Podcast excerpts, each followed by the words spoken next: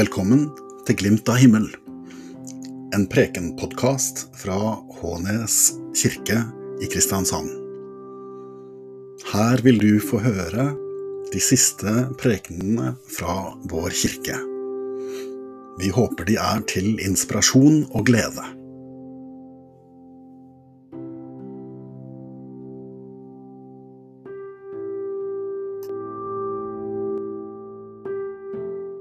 Dette hellige evangelium står skrevet hos evangelisten Lukas i det tiende kapittel.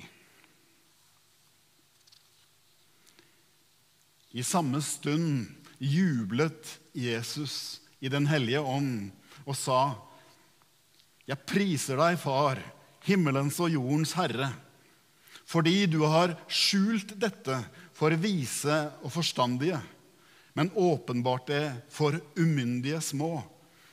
Ja, far, for det var din gode vilje. Alt har min far overgitt til meg. Ingen vet hvem sønnen er, unntatt Faderen. Og ingen vet hvem Faderen er, unntatt Sønnen, og den som Sønnen vil åpenbare det for.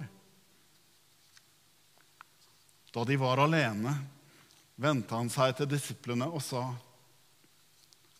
Salige er de øynene som ser det dere ser. For jeg sier dere, mange profeter og konger ville gjerne se det som dere ser, men fikk ikke se det, og høre det som dere hører, men fikk ikke høre det. Slik lyder det hellige evangelium.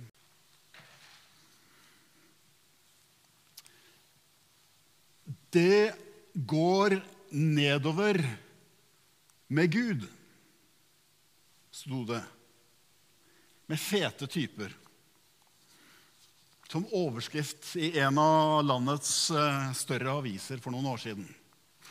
Det går nedover med Gud. Og artikkelen rommet dystre statistikker som viser at i Norge så er det færre og færre som tror på Gud. Og enda færre som går jevnlig til gudstjeneste. Og kanskje enda færre igjen som eh, på ramme alvor forsøker å innrette livet sitt som om Gud faktisk skulle ha noe å si. Ikke akkurat munter lesning, får vi si. Heldigvis så er den levende Gud som vi feirer i dag, helt uavhengig av våre markedsundersøkelser og statistikker.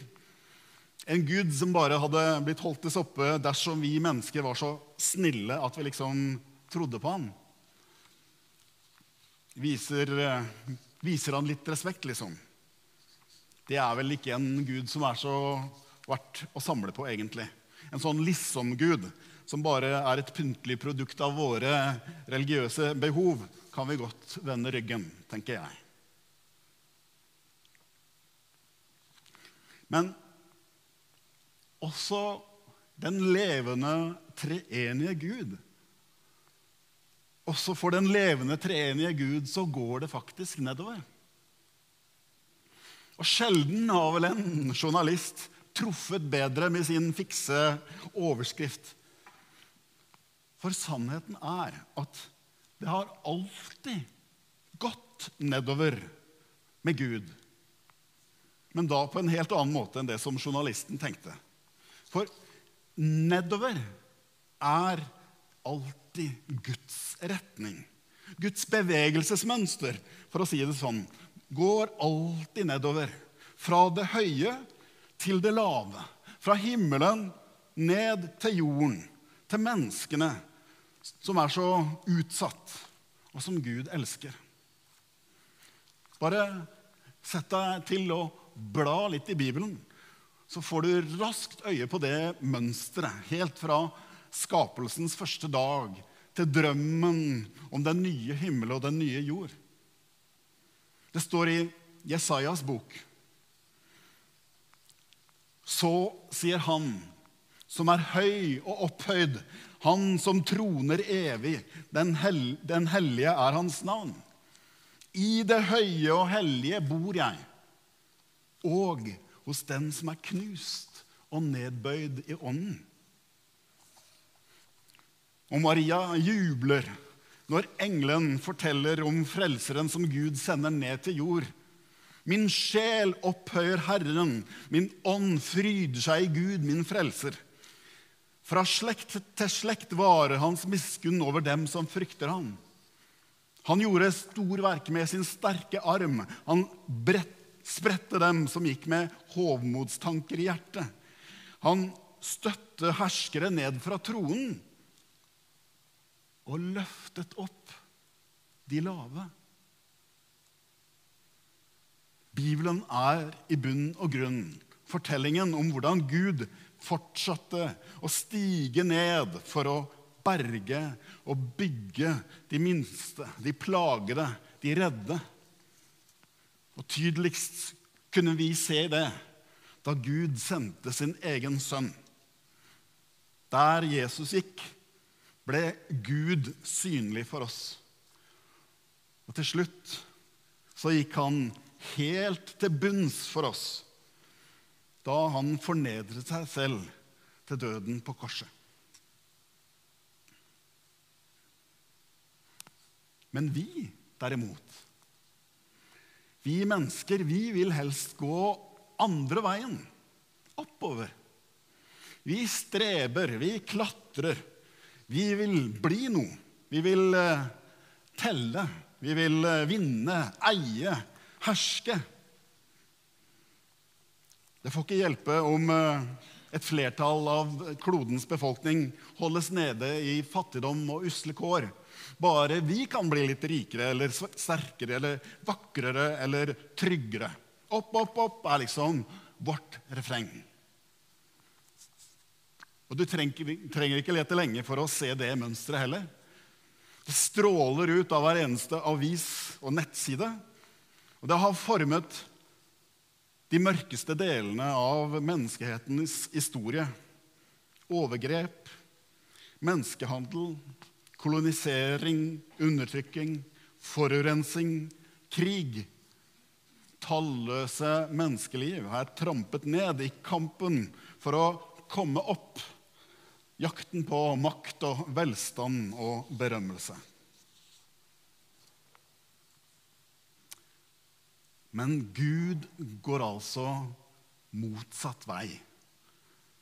Gud søker alltid nedover, til det skapte, til det lave, til det små og betydningsløse. I dagens prekentekst så ser vi det tydelig.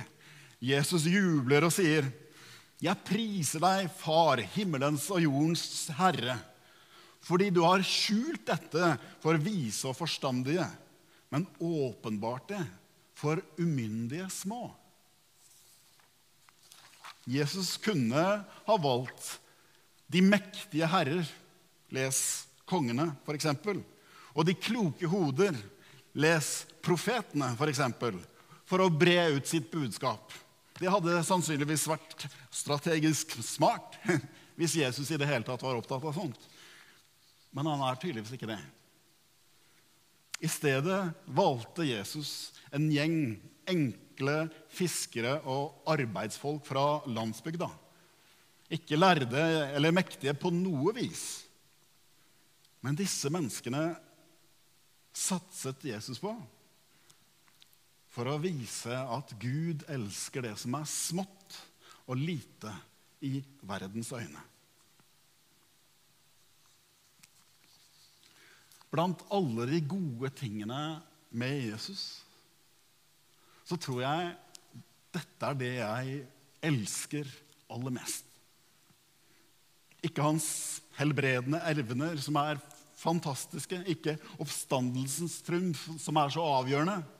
Ikke kanskje hans dype visdom eller fabelaktige fortellinger, selv om alt dette er utrolig viktig. Men likevel hans forkjærlighet for de umyndige små. Kanskje er det derfor jeg også liker hun som etter nok en fjerdeplass går løs på en ny sesong. Eller kanskje er det derfor jeg fylles med størst respekt for den presten som i sitt avskjedsintervju i lokalavisa måtte innrømme at han ikke visste om noen hadde blitt frelst av hans prekener. Ekte troshelter er ikke de som liksom går fra seier til seier, men de som fortsatt tror når seirene uteblir.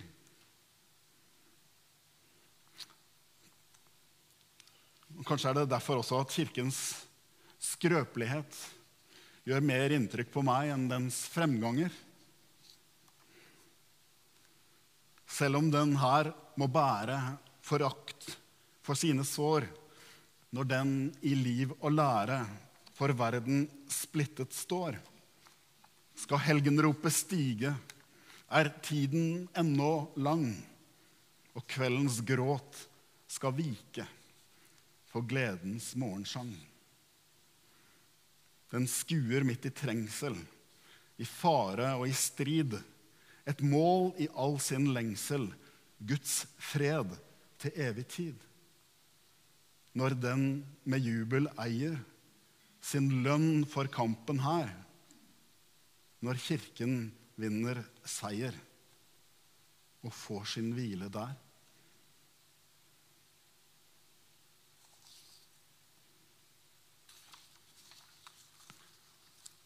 Nå var det imidlertid ikke skrøpeligheten som er utgangspunktet for de ordene som vi får høre i dagens prekentekst.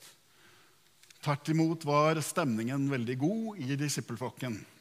Jesus hadde sendt ut 70 medarbeidere i 35 par med relativt detaljerte instruksjoner for hvordan de skulle gå frem. Han ga dem myndighet til å tale og kraft til å helbrede. Og alle de 70 erfarte at det virket.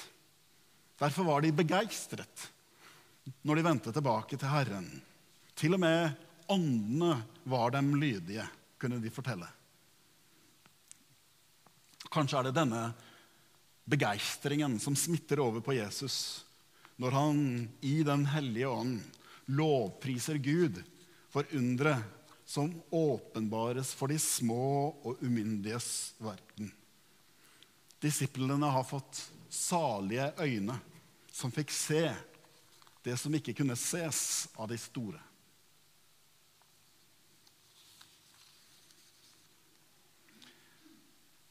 Selv om jeg elsker denne siden ved Jesus, så gjør ordene hans samtidig at jeg blir litt urolig. For den kirka som jeg elsker og er en del av, vakler så ofte i sin troskap mot de små og svake. Altfor ofte har også kirkas bevegelsesretning i verden vært oppover ikke nedover, som Gud.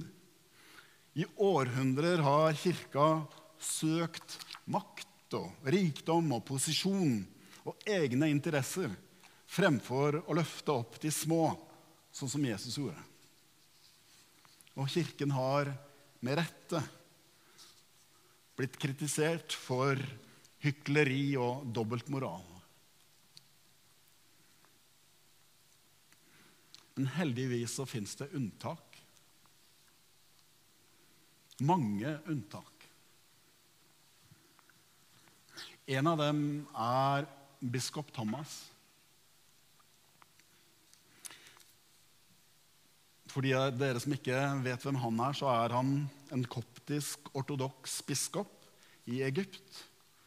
Og vi som menighet støtter hans arbeid gjennom vårt misjonsprosjekt. Jeg har vært så heldig at jeg har fått lov til å, å møte han noen ganger. Og det kan jeg love dere gjør veldig dypt inntrykk. Den uh, lille mannen er veldig stor. Um, han ønsket ikke å bli biskop. De måtte tvinge han, rett og slett. Men han var bare villig til å ta på seg oppgaven, som han sa, hvis han fikk lov til å bruke den plattformen til å gjøre én eneste ting. Og det var å løfte andre opp. Sånn gjorde han. Løfte andre opp. Han kunne ikke si, holde en tale uten å gjenta det. 'Dette var mitt kall. Jeg løfter andre opp'. Og, og det gjorde han også hele tiden. Det var hans kall. Alt han startet og bygget opp av ørkensanden i Egypt, det handlet om dette. Retreatsenteret Anafora og skolesenteret Anastasia handlet om akkurat dette. Fordi han så at kvinner og menn manglet skolegang, så bygget han skoler. Fordi han så at kvinnene manglet rettigheter, så jobbet han for at de skulle få det. Fordi han så at folk trengte traumebehandling, så bygde han traumesenter. Han var en person som jobbet utrettelig for sosial rettferdighet og frihet for den koptiske minoriteten i Egypt. Selv når de kristne utsettes for bomber og terrorangrep, som de jo faktisk gjør i Egypt, så sier biskop Thomas dette er en mulighet for Kirken til å vise Kristi sinnelag og tilgi og elske. Kan du skjønne det? Biskop Thomas ville ligne på Jesus. Du kunne se det på ham. Jesus skinte gjennom ham. Og vet du hva? Det kan også vi. Tenk hva som skjer på Hånes hvis mennesker kan se Jesus skinne gjennom oss. Tenk om vi også kan liksom vende oss nedover og løfte andre opp. For hvis vi gjør det, da er vi med på Guds bevegelse i verden. Da er vi med å gjøre det som Gud gjør i verden. Og en dag har Gud lovt at himmelen skal komme helt ned til jorden. Og Gud skal bo hos oss for alltid.